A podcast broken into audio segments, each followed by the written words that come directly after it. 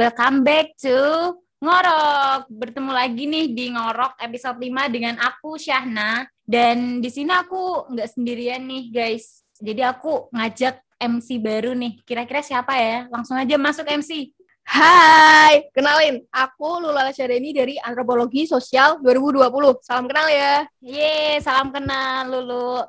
Nah, sebelum kita masuk di topik pembahasan yang sangat menarik ini, alangkah baiknya kita mengucapkan selamat datang untuk mahasiswa baru 2021. Yeay.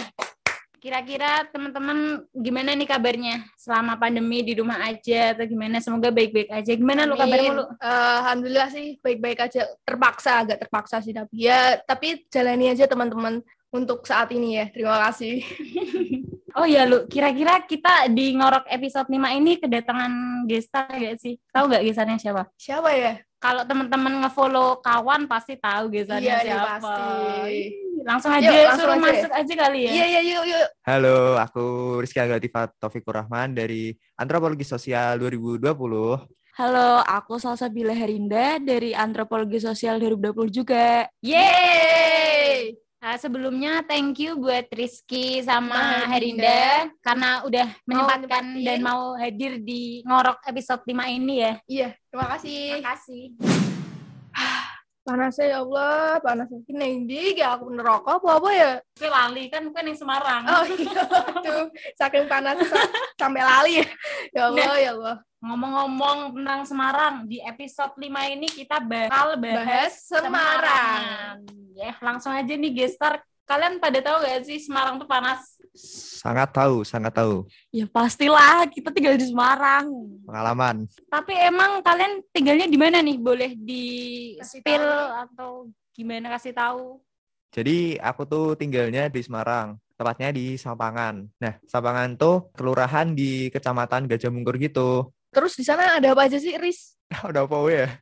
Gue aku bingung jadi sebenarnya kayak nggak tahu ada apa. Mungkin apa ya banyak pedagang kaki lima terus kemacetan di mana-mana. Terus selain ada pedagang kaki lima sama kemacetan di sana ada apa aja sih kira-kira? Uh, padahal kayaknya jalannya lumayan udah dilebarin gak sih sampangan tuh? Kok masih macet aja? Jadi ki orang lebar ya. Itu yang yang lebar cuma di daerah Kertakosi jembatan besi. Jadi setelah jembatan besi itu masih sempit sekali. Nah itu dari pandanganku ya teman-teman kalau sampangan tuh sebenarnya kayak jalan antara rumah warga sama tempat pekerjaannya. Jadi kebanyakan warga di Semarang itu kan tinggalnya di Gunung Pati itu daerah atas tuh teman-teman.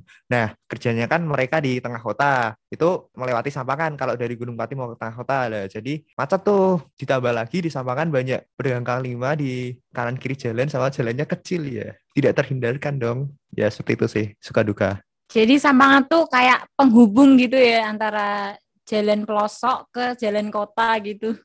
Iya benar gitu. Kalau ketawa yang ikhlas dong Rizky. Kok nggak ikhlas gitu.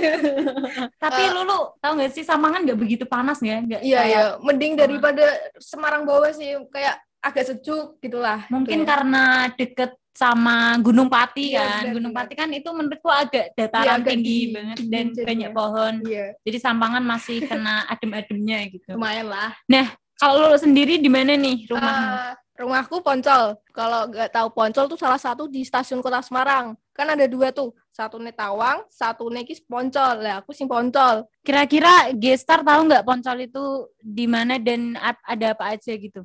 Tahu lah Poncol tuh uh, salah satu tempat ikonik gitu loh di Semarang. Eh, emang ada apa lu? Apa? Aku nggak tahu anjir apa. Sok banget, sok, sok. Kamu nggak usah kayak gitu loh. Uh, maaf teman-teman, soalnya aku kan nggak pernah keluar, jadi aku anak rumahan, jadi nggak tahu apa-apa tentang lingkungan sekitarku. Maaf ya. Padahal Lulu kan sebenarnya pemimpin di daerah Poncol itu loh, alias pemimpin kriuk. kriuk, kriuk adalah kreak. Kalian tahu kreak gak sih? Krea atau apa? Kalau krea di sini kayak jamet itu loh, kata istilah lainnya gitu, jamet. Oh, jadi rumah Lulu itu di Poncol, rumah Rizky di Sampangan. Uh, ya lumayan lah panas. Nah, kalau rumah aku sendiri, emang aku nggak mau ditanyain gitu. Nah, terus kalau Eh, Mbak Sana gimana nih rumahnya di mana? Kalau rumahku lebih dataran tinggi dari rumah Rizky dan Lulu ya. Jadi rumahku tuh ada di Ngalian nih. Tapi jeleknya Ngalian tuh banyak truk jadi akeh bleduke ngono. Wong kono wajib begadus kabeh. Rai polusi banget. Tapi raiku ayu sih. Tapi enaknya Ngalian tuh nggak sepanas Semarang bawah ya teman-teman. Jadi kayak karena Ngalian termasuknya juga dataran tinggi. Nah panasnya itu karena banyak truk yang lewat, terus banyak udara kotor, banyak polusi. Jadi itu yang bikin panas sih. Dekat pabrik juga kan ya? Iya bener banget deket kawasan industri. Terus kan kayak masyarakat yang ada di Semarang kota bawah itu kebanyakan kerja di kawasan industri. Jadinya pada ke sana banyak banyak polusi udara dari motornya gitu. Nah sedangkan Harinda sendiri gimana nih rumahnya? Eh, kalau aku tuh rumahnya di Semarang Tengah, di Semarang kotanya. Kalian tahu Pekundan nggak sih? Kayu. Seberangnya SMA 3 lah pokoknya. Nah itu karena itu kalian tahu sendiri deket Tugu Muda kayak gimana panasnya. Panas pol sumpah. Nah, terus tuh di Semarang Tengah itu di rumahku tuh rumahku tuh ada di belakang DP Mall, terus belakang Balai Kota, belakang Paragon juga. Jadi tuh bener-bener kalau ke mana-mana tuh deket. Wah enak ya kalau ke mall jadinya kayak gampang gitu ya. Sampai-sampai mau nunut kamar mandi bisa ya. Iya, iya bener. Aku udah pipis neng DP Mall. Kelas kelas kelas kelas. Lah terus kalau di sana ada apa lagi sih Her? Selain mall tuh ada apa aja gitu? Selain mall, ono Bang Jo Tugu Muda.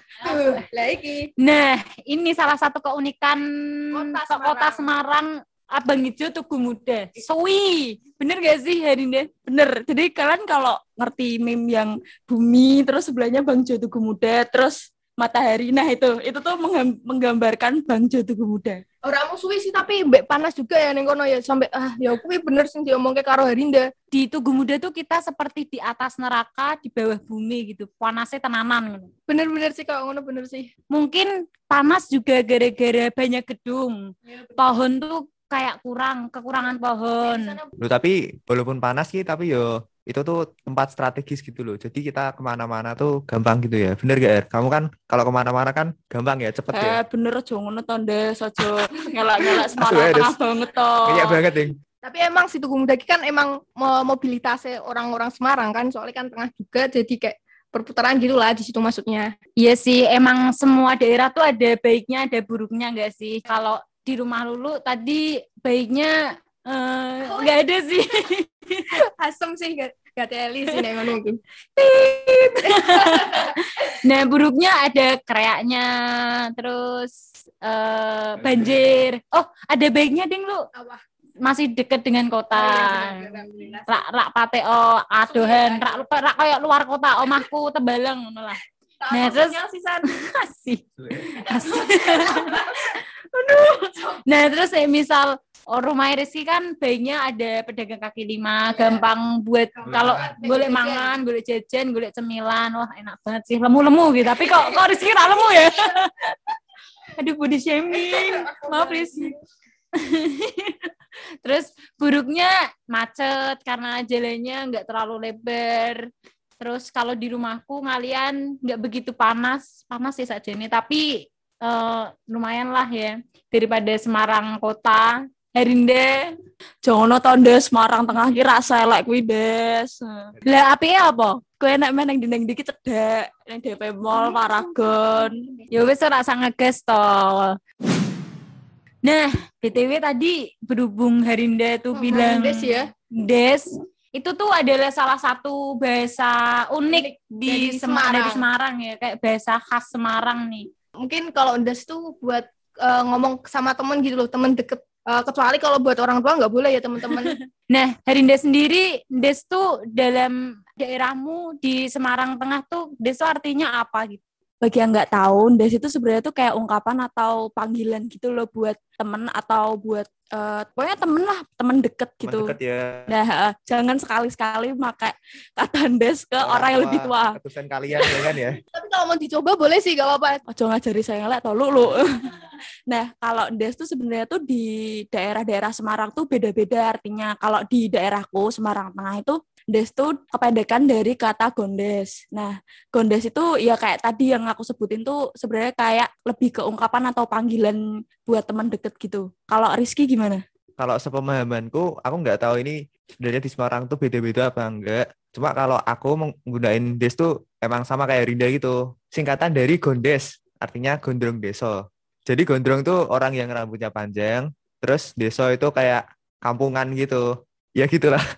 Nah, kalau di daerahku tuh ya udah gondes tok nggak ada gondrong desa. Jadi kayak beda gitu loh Sampangan sama Semarang Tengah. Tapi sebenarnya tuh des tuh ada kayak beberapa jenisnya gitu loh, Her, kalau kamu tahu. Kalau kamu sadar loh. Hah, apa kuy?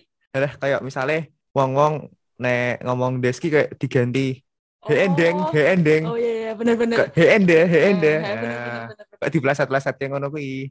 Iya juga sih. Kalau daerahku sama kayak Rizky, kayak gondes tuh gondrong deso. Kalau di bahasa Indonesiain rambut panjang yang kampungan gitu. Kalau bahasa Inggrisnya gimana, Mbak? Aduh, aku mau mikir aku wong Jawa ra iso bahasa Inggris ini. Nah, terus bener juga tadi deng sama ndet. Padahal itu tuh kayak nggak ada kepanjangannya nggak sih? Iya, ben ben biar kelihatan nggak saru aja mungkin ya. Iya sih, deng, gendeng, de, gendeng.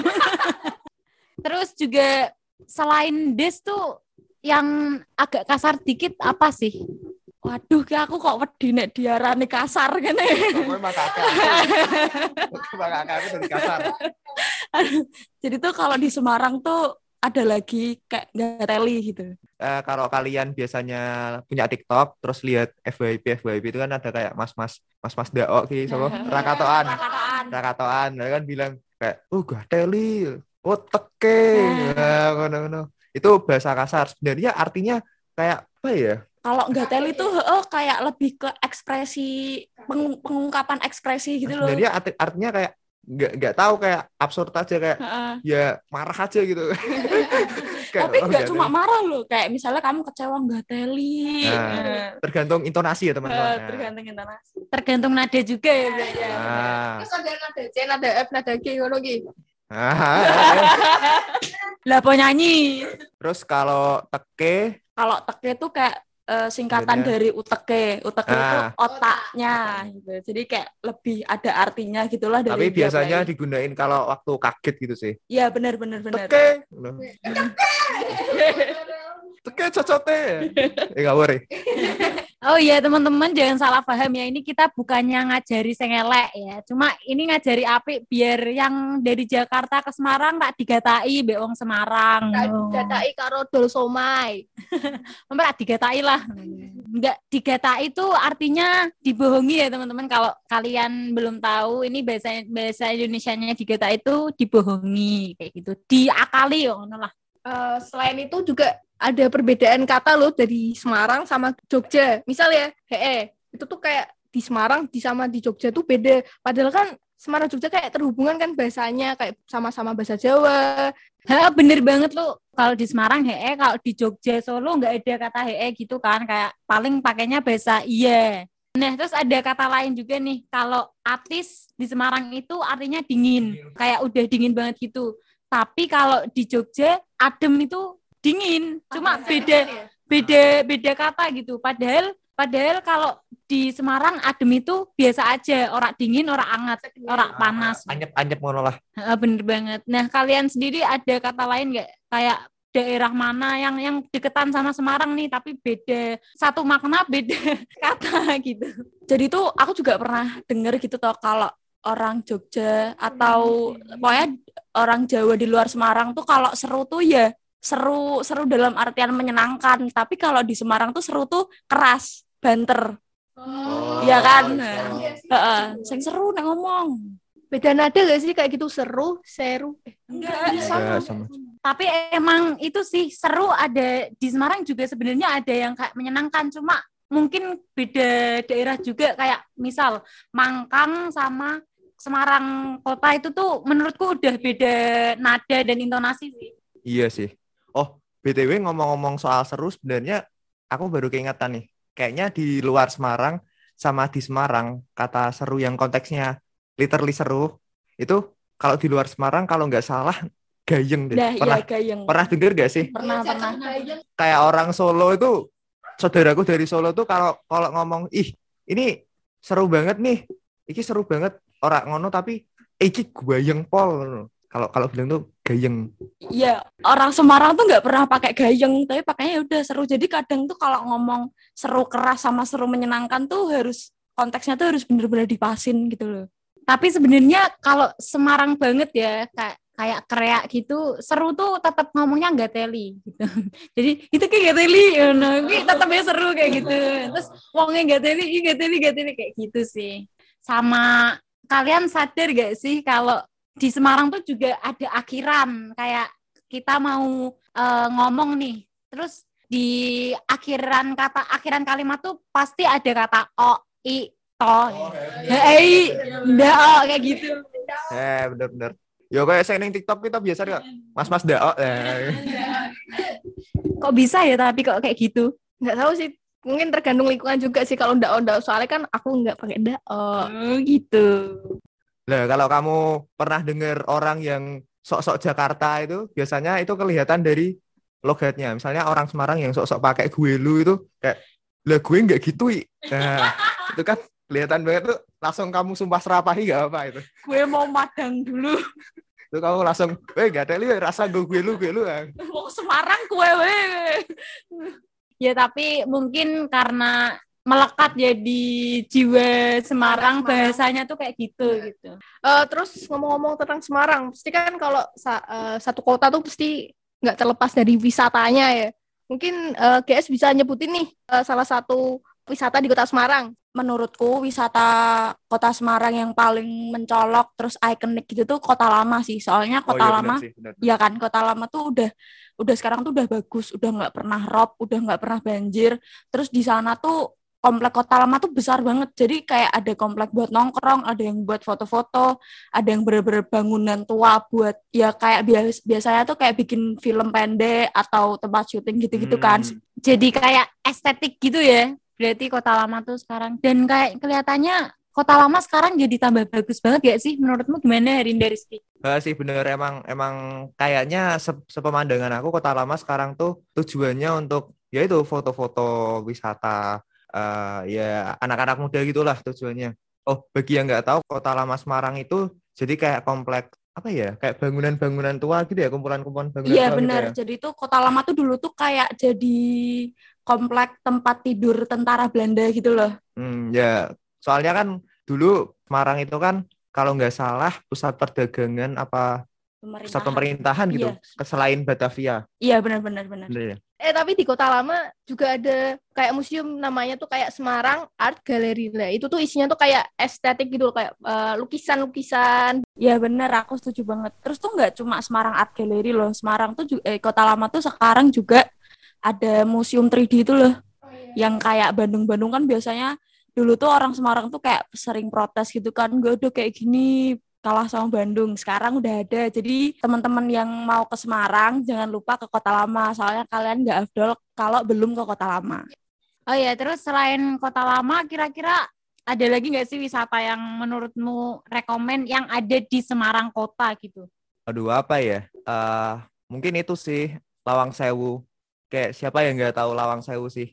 Udah jadi ikonnya Semarang ya kayaknya. Ya kayak orang-orang luar juga taunya Lawang Sewu gitu. Oh ya bagi yang nggak tahu, tapi masa ada yang nggak tahu sih. Jadi Lawang Sewu itu kayak bangunan kuno yang ada di tengah kota. Itu letaknya di depan Tugu Muda persis itu. Ah, ada di Jalan Pemuda ya.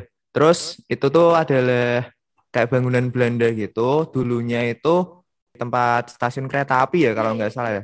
Iya sih, kalau sepengetahuanku di Lawang Sewu itu kalau kalian tahu di depannya itu kayak ada kereta api yang berhenti gitu gak sih? Di dalam juga ada. Ya itu bukan berhenti mbak, itu namanya pajangan. Oh iya, Ding, maksudnya ada gitu. Terus kayaknya denger-denger di Lawang Sewu tuh juga horor. Nah, yang bikin horor tuh apanya gitu? kalau kalian tahu tuh Lawang Sewu kan pernah masuk ke itu ya dunia lain ya, Iya, yang di TV itu. Nah itu kan ada orang yang uji nyali di bawah tanahnya itu ruang bawah tanahnya yang ada air airnya itu. Nah di situ kan kayak ya rumornya lah, rumornya banyak kayak kuntilanak atau apa gitu. Nah gitu sih. Tapi kalau aku ke sana nggak begitu serem sih menurutku. Ah, Ya alhamdulillahnya ya nggak pernah ketemu kuntilanak atau semacamnya itu. Nah tapi aku mau tanya deh, kan Lawang Sewu kan artinya pintu seribu. Emang bener pintunya ada seribu? Eh, jadi setahu Lawang Sewu itu sebenarnya pintunya bukan seribu ya teman-teman. Eh, itu tuh kayak ungkapan orang Jawa, orang Semarang aja buat nyebutin pintunya tuh banyak gitu. Kan kelihatan banyak tuh dari depan tuh teman-teman. Lah, pintunya itu sendiri sebenarnya itu bukan pintu. Ada beberapa yang terlihat seperti seperti pintu dari luar, sebenarnya itu jendela.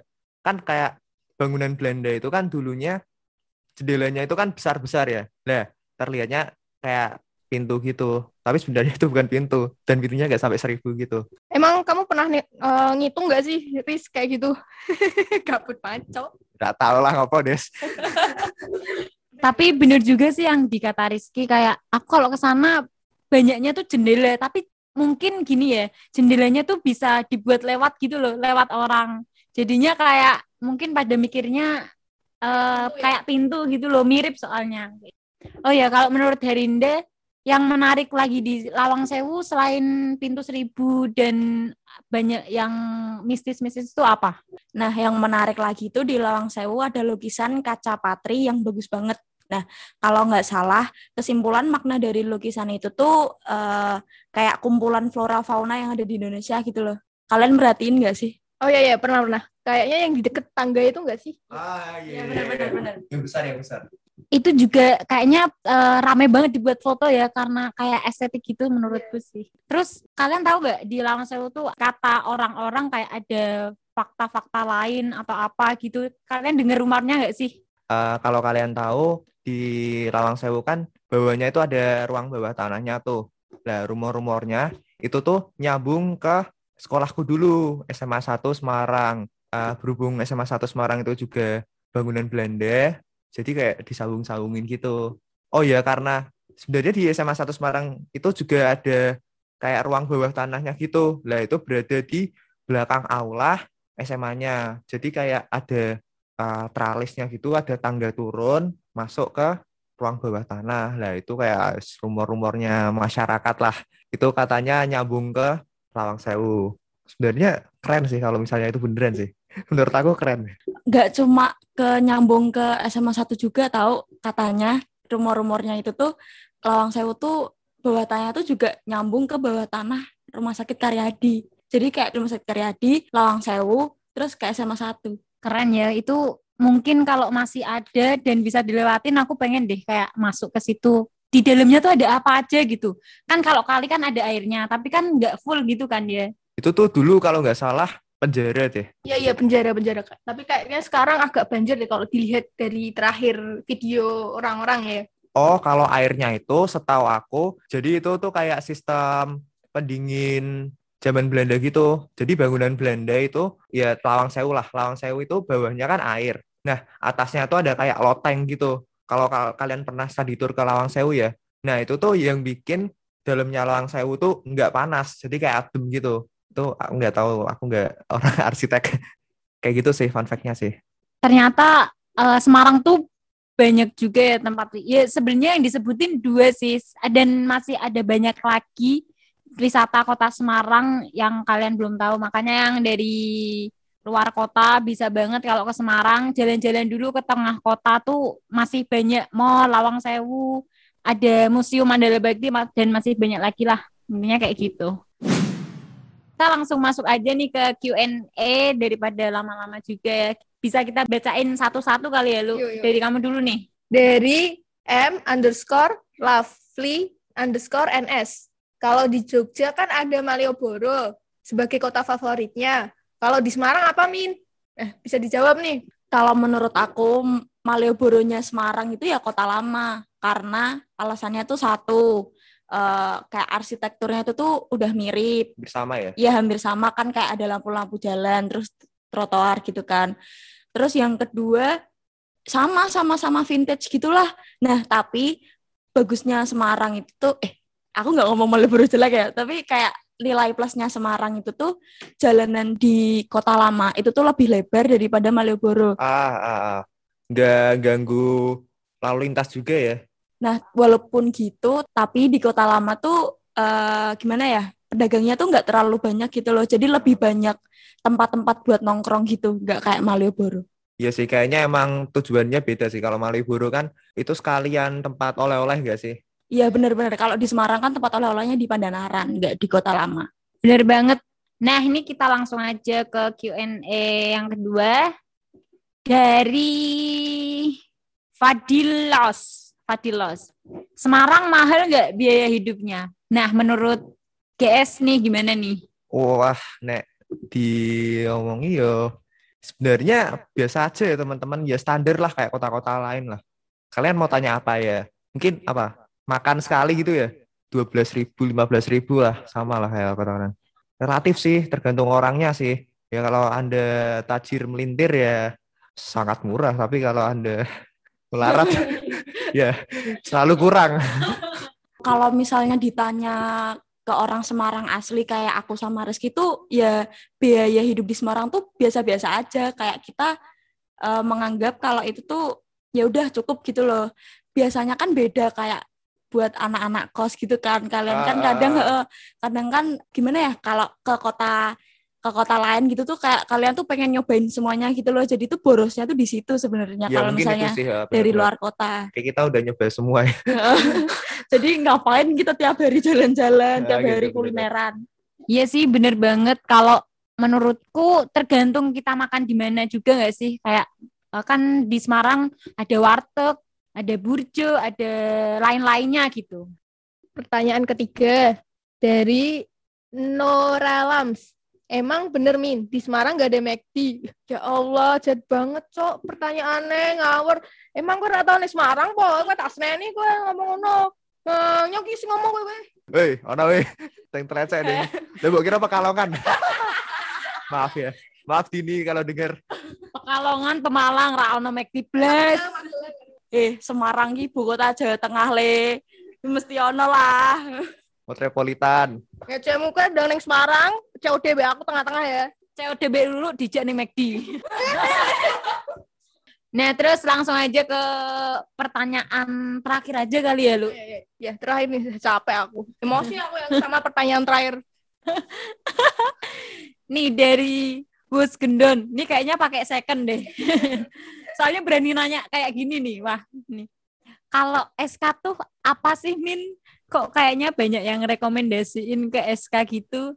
TKS. Aduh. Waduh, pura kayaknya pura-pura ra arti ra sih iki gendon. Polos ketok iki wong iki. Oh, wongnya gendon tenan nih. Langsung aja nih, guys. Eh, gini mungkin ya. Aku kasih clue-nya aja mungkin ya. Eh, SK tuh bukanya malam-malam. Aduh. Eh, banyak cewek-cewek pada nongkrong. Waduh. Banyak yang jajan. Ya, apalagi kalau bukan eh, sego kucing. sego kucing ya teman-teman SK itu sego kucing bukan bukan lain. yang lain bukan yang di kali banteng Bukan kali banteng belok kiri. bukan bukan bukan sego kucing Nah, itu dari gendon udah terjawab ya eh, SK tuh sego kucing. Ki nek pikiranmu apa ya mikirnya sego kucing, nek pikiranmu elek ya kuwi sing ning kali benteng. nah, tapi ngomong-ngomong tentang sego kucing, GS nih Herinda sama Rizky ini tahu nggak sih sego kucing yang paling rekomen banget di Semarang yang nanti anak luar kota dateng langsung dia bisa datang ke sana gitu. Boleh disebutin nih? Eh, jadi bagi yang nggak tahu, sego kucing tuh kayak angkringan gitu loh teman-teman. Kan pasti kalian lebih familiar dengan kata angkringan. Nah, sego kucing yang paling recommended di Semarang tuh ada dua menurutku. Yang satu sego kucing pagi, bukanya Hmm. itu malam-malam, besar itu ya jam 10-an. Terus yang kedua tuh Arista. Arista tuh bukanya dari sore jam 5-an tuh udah buka.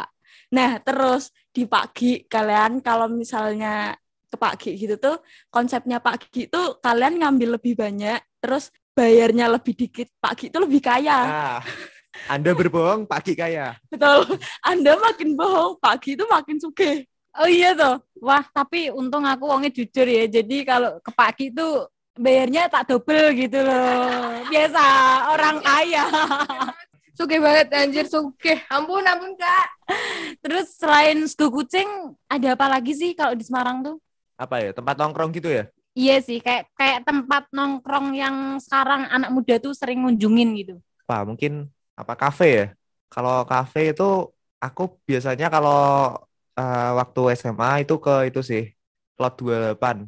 Teke lo 28 nih lu, lu, lu, wong banget sih. Suge banget sih. Suge banget sih. Orang desk iki yo piye ya? Sebenarnya tuh standar ya harganya tuh enggak enggak patek oh mahal-mahal amat ya 20.000 ribu, 25 ribu minuman tuh kan ya lumayan standar lah kayak tempat-tempat nongkrong lain. Nah, kelebihannya kalau di Lot 28 itu aku waktu SMA itu sukanya lihat live musiknya. Jadi kayak kita nongkrong, biasanya kan nongkrong-nongkrong aja udah tutut, ngombe kopi. Lah ini ada live musiknya jadi seru-seru-seru. Tapi ngomong-ngomong kalau di lot 28 model pembayarannya bisa nggak sih kayak Pak Ki? ya, ayo, yo jajal ya, jajal jajal. Tunggu jajal jajal sih. Paling ya kon nyisai ra sih. Nek isai sih iso lah, tapi kayak misalnya gue di blacklist we. Oh iya. Tapi ngomong-ngomong ya lu, kafe di Semarang tuh sekarang udah banyak banget ya sih? Iya, banyak banget sampai dari ya intinya ujung sampai ujung tuh pasti ada, nggak mungkin ada. Di pelosok pun juga ada gitu gak sih? Terus eh, gimana kalau menurut Darinda? Aku juga punya rekomendasi coffee shop gitu. Itu tuh adanya di kawasan Komplek Kota Lama. Nah, namanya Teko Deko. Kalian tuh di sana tuh bis ngopi bisa sekalian foto-foto. Soalnya sekarang udah ada fotomaticnya kan. Kuwi nggo wong Semarang kuwi sing ket biyen maido ra ono fotomatic sing Semarang kuwi ning Teko Deko saiki ono. Bayarnya larang ra tapi Ora yo. Jadi tuh cuma Standar ya? heeh, standar kayak 25.000 ribu tuh udah dapet dua strip gitu. Satu stripnya ada tiga foto. Kalian bisa foto-foto sama pacar, sama temen. Naik jomblo ya wes dewean we. Nek regane selawe ya wong mending burjo ra sih. Murah entuk gudai freeze, rasa coko oren, terus sego sego gila, wis murah lah pokoknya. Pokoknya aku nek ngekro komen nih kue-kue ki burjo sih. Hei sih bener banget lo, aku yo sak pendapat mbek kowe. Terus ngomong-ngomong tentang burjo, burjo ki saiki pateng telecek ra sih? Kayak banyak gitu di Semarang, nggak Semarang bawah, nggak Semarang atas, Semarang tengah, Semarang pelosok, Semarang hintir. Komplit. oh no ngabe, ya gak sih? Kalian pada sadar gak sih kalau burjo tuh udah di mana-mana? Turah-turah. Iya sih, mungkin karena itu ya, Bujo tuh juga tempat favorit, salah satu tempat favorit kayak mahasiswa-mahasiswa ngerjain tugas atau nongkrong gitu gak sih? Bener, soalnya sekarang tuh burjo-burjo di Semarang tuh juga udah ada colokannya, terus wifi-nya Wifi juga kenceng. gratis, nah, udah enak banget sih. Nah, terus tuh eh burjo di Semarang tuh misal ya di Semarang bawah itu tuh kayak ada Sari AC, Burjo Mesia Sampangan, itu tuh udah udah banyak di Semarang bawah nggak cuma di Tembalang. Tapi tapi kalau di Tembalang tuh burjonya Wah. lebih banyak banget. Oke. Asli kayak kayak kalau temen-temen tahu kelp shake di SpongeBob lah itu kayak gitu kan. Yang terlecek nih di, di. Bentikungan kyono burjo. Kayaknya bisa disebut Tembalang itu adalah daerah Burjo sih, kayak kota Burjo. Terus juga kalau menurutku Burjo itu bisa dijadiin tempat base camp juga gak sih kayak paling mahasiswa kalau galau yuning Burjo mangan akeh soalnya kan murah ya. Herak lu. Eh sih tapi aku sih tak tahu galau sih sorry nih ya Mas. Nah, terus bagi teman-teman semua pendengar podcast episode 5 ini, bagi yang penasaran burjo mana aja, burjo favorit, burjo enak yang ada di Tembalang. Dan sekalian nih seputar Tembalangan, langsung aja dengerin podcast Ngorok episode selanjutnya. Bye-bye. Terima kasih. Terima kasih, guys. Terima kasih, guys. Terima kasih.